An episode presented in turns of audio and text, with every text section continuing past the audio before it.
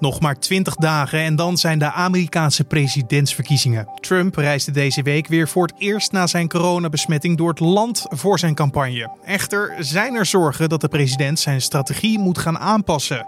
Want het ziet er niet bepaald rooskleurig uit voor de Republikeinen. Dit wordt het nieuws. Uh, uit peilingen blijkt dat uh, vooral uh, witte vrouwen met een praktische opleiding, die in 2016 voor Trump stemden, steeds minder gecharmeerd zijn van hem. Ook uh, ouderen die ontevreden zijn over zijn aanpak van de coronacrisis, die lopen steeds meer weg. En de Republikeinen zeggen van ja, er moet nou toch wel uh, iets veranderen. En we moeten toch wel proberen om die mensen terug te krijgen. Buitenlandverslaggever en de man achter de verkiezingsupdates van nu.nl, Matthijs Lelou was dat. Met hem praten we straks verder over de Amerikaanse verkiezingscampagnes in coronatijd. En of het niet al een gelopen strijd is. Maar eerst kijken we kort naar het belangrijkste nieuws van nu. Mijn naam is Carne van der Brink en het is vandaag woensdag 14 oktober. En dit is de Dit wordt het nieuws middagpodcast. Het ministerie van Volksgezondheid heeft in de afgelopen maanden veel te weinig ziekenhuisopnames van coronapatiënten gemeld. Het ministerie is daarom overgestapt op een nieuwe bron voor het aantal dagelijkse ziekenhuisopnames. Het gevolg is dat het aantal ziekenhuisopnames vandaag in één klap ruim is verdubbeld ten opzichte van gisteren. Voorheen gebruikte het coronadashboard van de Rijksoverheid open data van het RIVM die van de GGD's afkomstig zijn. Vanaf dinsdagavond gebruikte het controlemiddel gegevens van Stichting NICE voor het dagelijks beeld van de ziekenhuisopnames.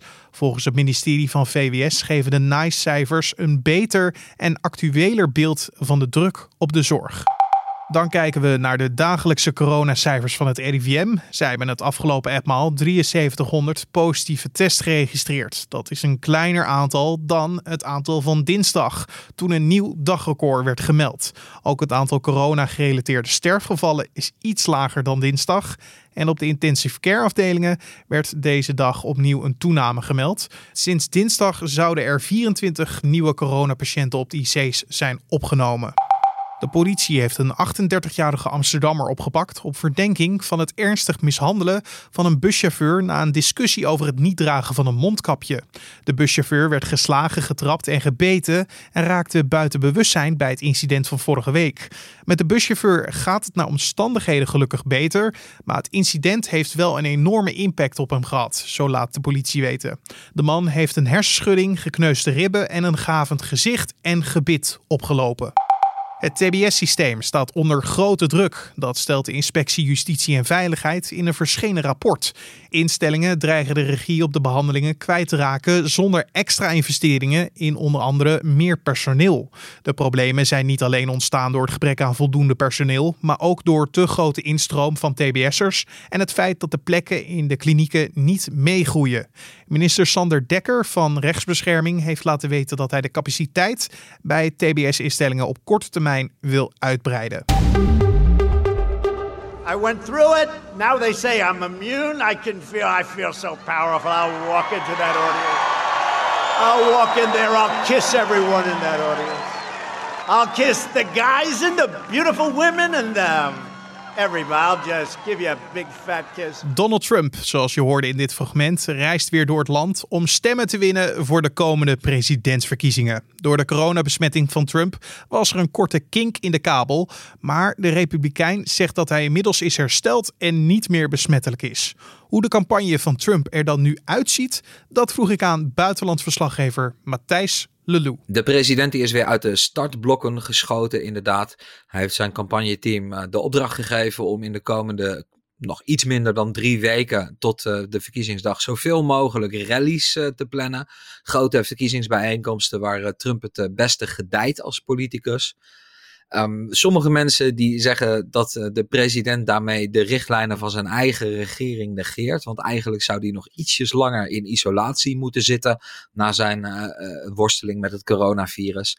Maar Trump die heeft duidelijk haast om er nog uit te slepen wat er uit te slepen valt. En hij is weer vol op pad.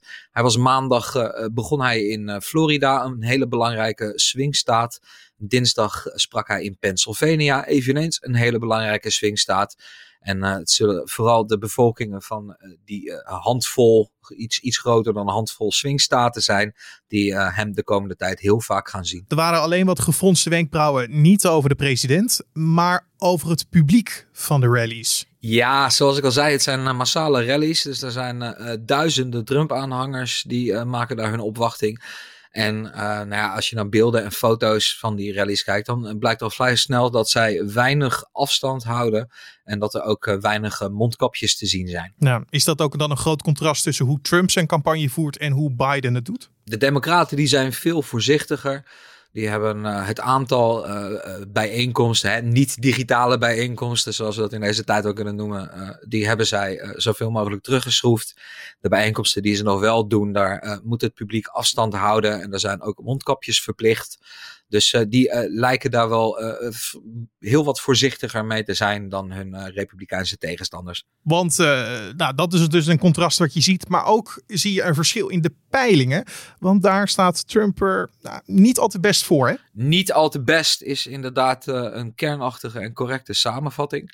President Trump die staat al maanden achter in de peilingen. Die achterstand die is opvallend stabiel. Normaal gesproken dan fluctueert dat wat meer. En uh, normaal gesproken, uh, als het richting de verkiezingsdag gaat, dan uh, komen de kandidaten meestal ook wat dichter bij elkaar. Dat is niet het geval. Het lijkt er zelfs op dat Trump nog wat meer steun aan het verliezen is. Dus de president die zal in de komende weken inderdaad met iets moeten komen om dat tijd te keren. Want zijn er al verklaringen te noemen waarom er nu zo'n gat is? Nou, we weten uit uh, peilingen dat een merendeel van de Amerikanen niet uh, tevreden is over Trumps aanpak van de coronacrisis. Uh, dat kreeg natuurlijk een extra randje toen hij zelf een besmetting opliep en bleek dat het Witte Huis zich niet al te goed aan allerlei coronamaatregelen hield of weinig voorzorgsmaatregelen trof. Um, verder um, is ook, uh, ja goed, de, Trumps opstelling na de, uh, naar de uh, Black Lives Matter protesten eerder deze zomer. Zijn harde lijn op law and order, zijn beschuldiging dat het eigenlijk alleen maar protesten van extreem links zijn. Daar zijn de meeste Amerikanen het ook niet mee eens. En heel veel gematigde kiezers die lijken ook uh, niet langer gecharmeerd van uh, Trumps nogal uh, oorlogszuchtige retoriek. Maar maakt de Republikeinse Partij zich dan nu al zorgen hierover? Ja, daar hoor je eigenlijk, je hoort steeds meer bezorgde stemmen. vooral Republikeinen die dan anoniem tegen Amerikaanse media zeggen dat ze zich toch wel een beetje zorgen beginnen te maken. Zij zeggen dat uh, president Trump eigenlijk een beetje een koerswijziging zou moeten doorvoeren. Hij moet zich minder richten op zijn harde achterban en wat meer proberen om gematigde kiezers aan te spreken. Uh, uit peilingen blijkt dat vooral witte vrouwen met een praktische opleiding, die in 2016 voor Trump stemden, steeds minder gecharmeerd zijn van hem. Ook ouderen die ontevreden zijn over zijn aanpak van de coronacrisis, die lopen steeds meer weg. En de Republikeinen zeggen van ja, er moet nou toch wel uh, iets veranderen. En we moeten toch wel proberen om die mensen terug te krijgen. Maar uh, president Trump die lijkt uh, vooral op de oude voet door te willen gaan. En ze zijn niet alleen maar bezorgd over de herverkiezing van Trump, maar ook over hun meerderheid in de Senaat, begreep ik. Zeker, want we krijgen op 3 november niet alleen presidentsverkiezingen, ook een derde van, van de zetels in de Senaat die staan op het spel. Die zijn dit keer voor het merendeel in handen van Republikeinen of tenminste de districten waar, waar ze kwetsbaar zijn. Dus de Democraten die hebben de kans om de senaatsmeerderheid ook over te nemen als ze het goed genoeg doen.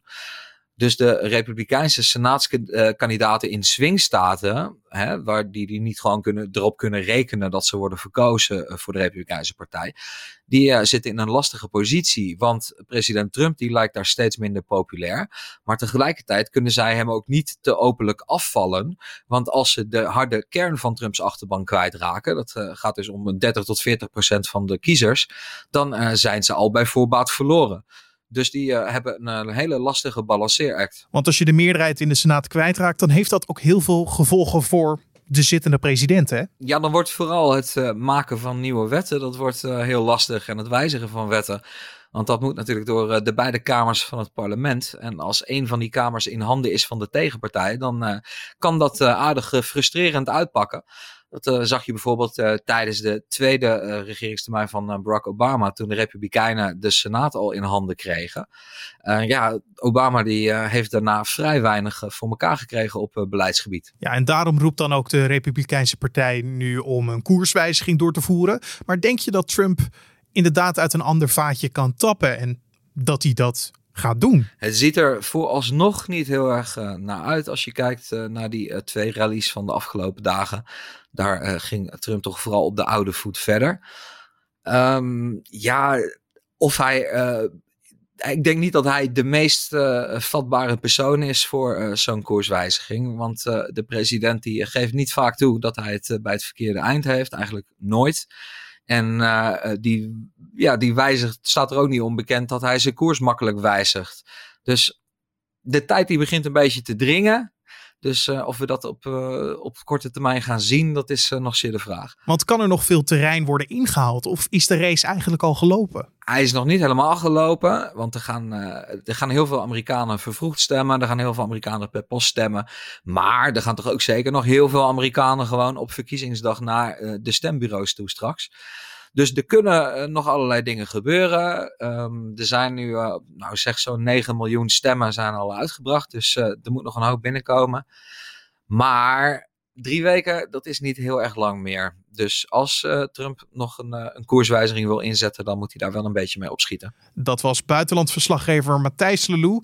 En heb jij nou een vraag voor Matthijs over de komende presidentsverkiezingen in de VS? Donderdag om 5 uur zal hij een uur lang vragen beantwoorden. Die zijn binnengekomen via ons reactieplatform Nu Jij.